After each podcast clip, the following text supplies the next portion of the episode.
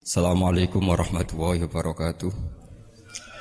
Bismillahirrahmanirrahim. Tabarakalladzi nazzala al-furqana ala 'abdihi liyakuna bina nadhira.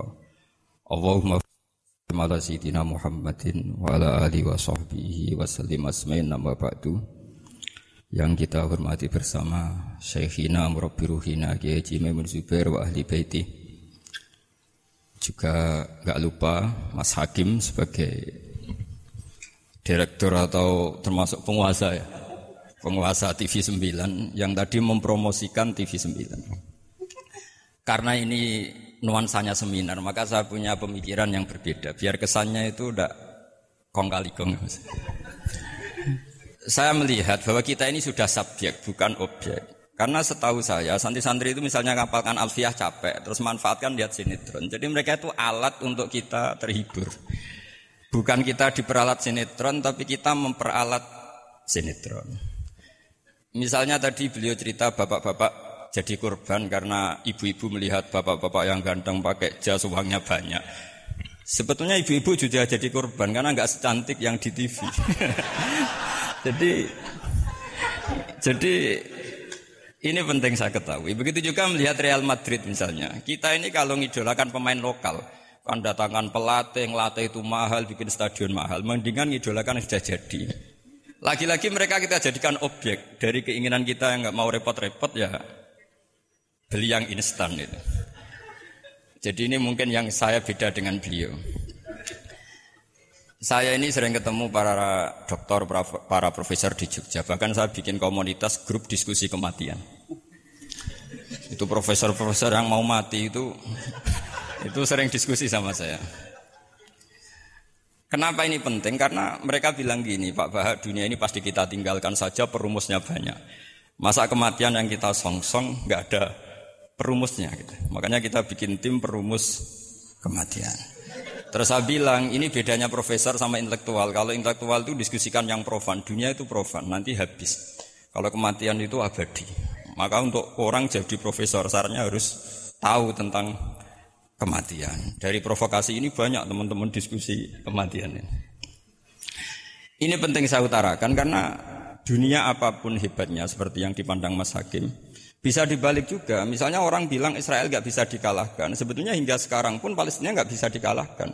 Hebatnya apa Israel? Nyatanya tidak bisa menghilangkan Palestina. Paling di Google dihapus itu saja.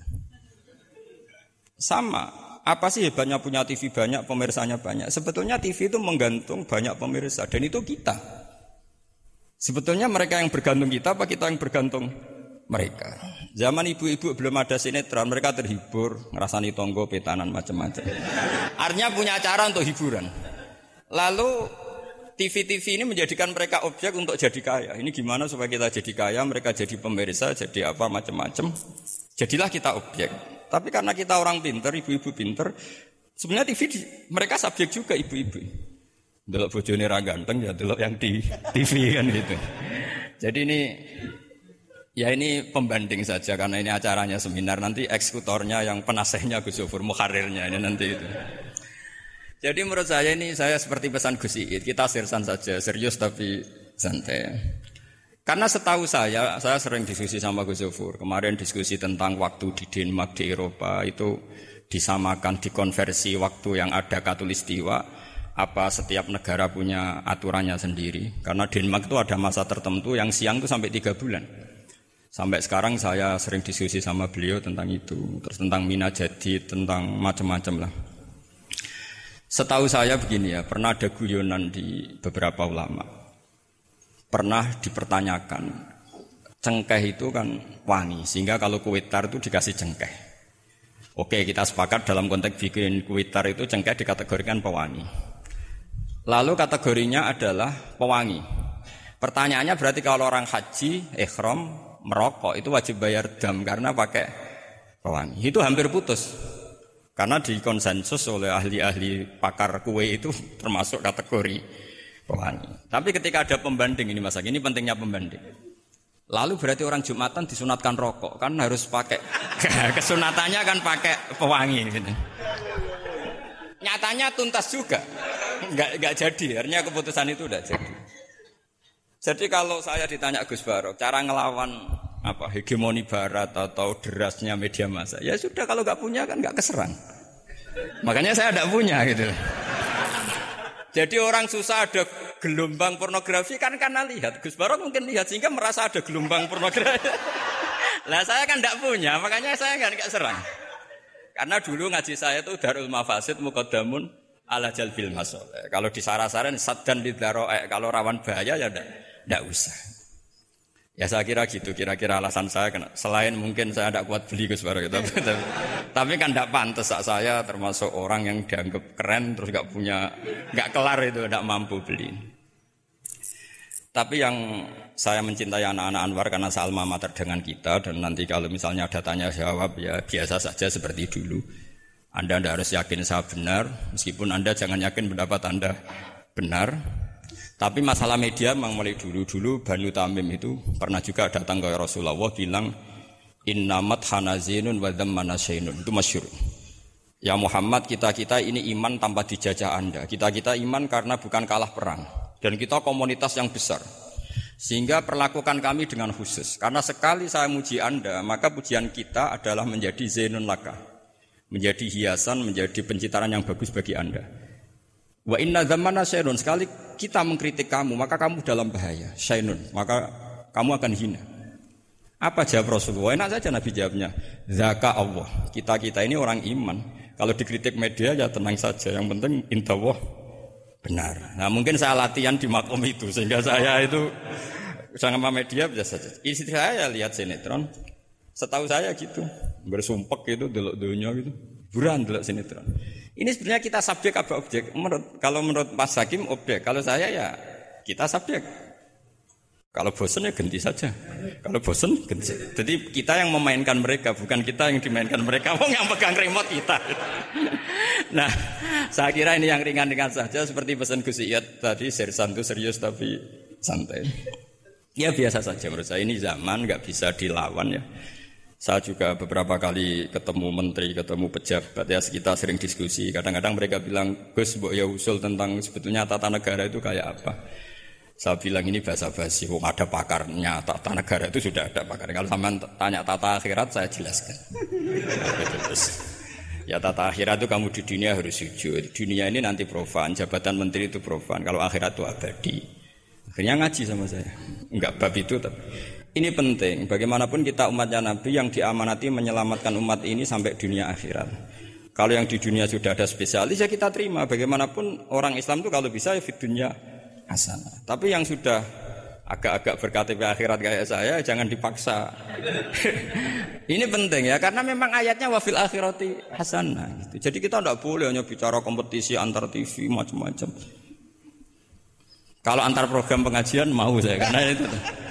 Ya saya kira demikian ini penting ya pembanding itu. Karena saya punya cerita betapa Rasulullah Shallallahu Alaihi Wasallam ini sangat-sangat akademik ya. Saya punya cerita agak serius. Setelah ini selesai, saya ini terakhir Gus Suatu saat ada seorang sahabat, ini yang di, di, di apa ya, disetujui atau diamini oleh para ahli tafsir. Dia perang gitu atau ditugaskan ke Nabi. Itu. Di kitab saya sahabat itu namanya Muhallam bin. Saya nggak tahu kalau nama itu di kitab Anda karena beda kitab namanya beda. Dulu itu kalau saya jago Tisen kok Tisen kalah, oh di TV saya Tisen menang gitu. Tapi semenjak ada real time katanya nggak mungkin itu. Kalau Tisen menang ya menang semua. Tapi kalau kitab itu beda. Di ayat Ida darabtum fi sabilillahi fatabayyanu itu. Kemudian Muhallam bin Jasama ini membunuh satu orang. Di kitab saya namanya itu Amir bin Atbad. Setelah dibunuh, padahal orang ini setelah terdesak melafatkan la ilaha illallah Muhammadur Rasulullah. Uh, dalihnya ini kan tentang informasi juga ya ini kaitannya masih informasi saya bukan menyempal dari tema ditanya sama Rasulullah kenapa kamu tetap bunuh padahal dia sudah melafatkan la ilaha illallah kata dia inama qolaha muta'awidan dia melafatkan itu karena muta'awidan saja ingin berlindung dari serangan kita Kata Nabi masih Nabi masih ya Nabi itu kan nggak mudah terpancing emosi. Halah syakok ta'an batnik. Buat kamu bedel ya atau kamu bedah lah. Hatinya isinya kayak apa? Si si mulaham tadi masih balik loh. Ya Rasulullah, Lau syakak tubat nahu akun tu a'lamu ma fi. Kalau saya bedah apa saya terus tahu apa isi hatinya? Kata Nabi, ya kamu tetap nggak tahu meskipun kamu bedah hatinya kamu tetap nggak tahu. Kenapa engkau nyuruh bedah ya Rasulullah? Wong akhirnya saya tetap nggak nggak tahu. Unik jawabannya Nabi itu. Makanya kamu itu sembrono sekali, ngawur sekali kamu. Fala anta ta'lamu ma fi qalbi wala anta takbalu mata kalamabi.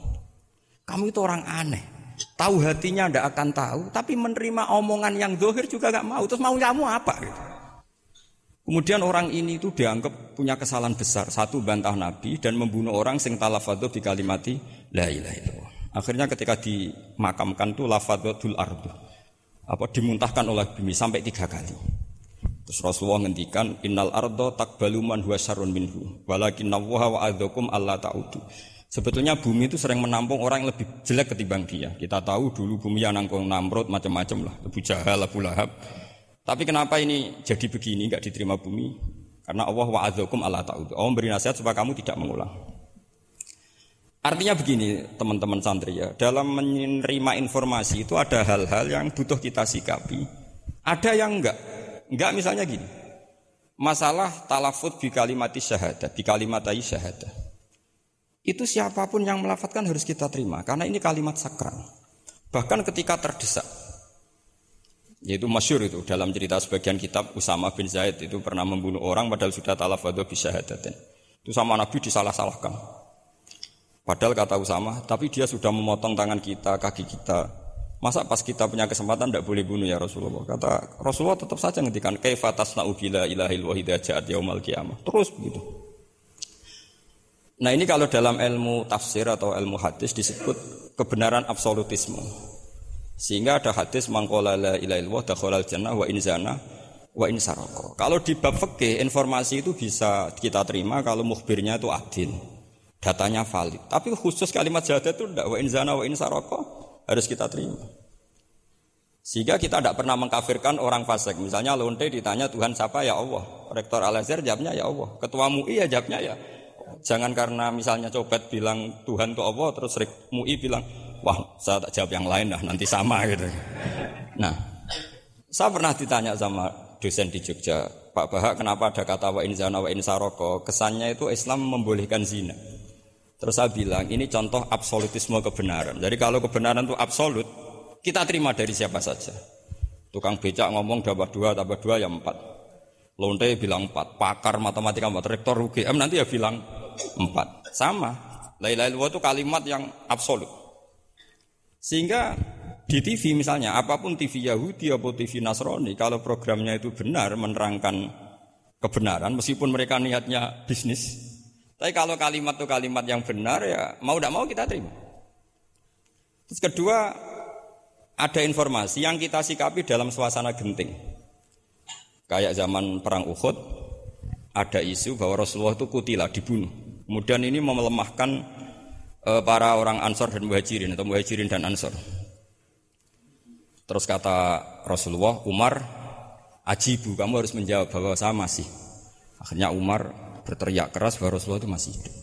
Ini contoh-contoh informasi yang secepatnya harus di, e, dijawab. Terus ketika informasi yang nggak penting dijawab karena memang sudah hoax, sudah sampah. Misalnya gini, orang melihat di TV infotainment itu nggak pernah yakin kok benar apa enggak. Ibu-ibu itu butuh hiburan melupakan suaminya, utangnya, macam-macamnya.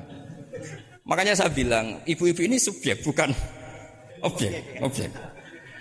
Jadi ini yang saya beda dengan Mas Hakim. Tentu saya punya sisi kesalahan karena saya juga nggak perlu akurat kan ini tidak bidang saya. Tapi cukup jadi pembanding. Karena ini menyangkut harga diri Mas Hakim. Kesannya kalau kalau kita objek kan kita ini kayak orang bodoh yang diatur-atur gitu. Tapi kalau subjek kan keren gitu karena keren. Ya saya kira demikian. Assalamualaikum warahmatullahi wabarakatuh.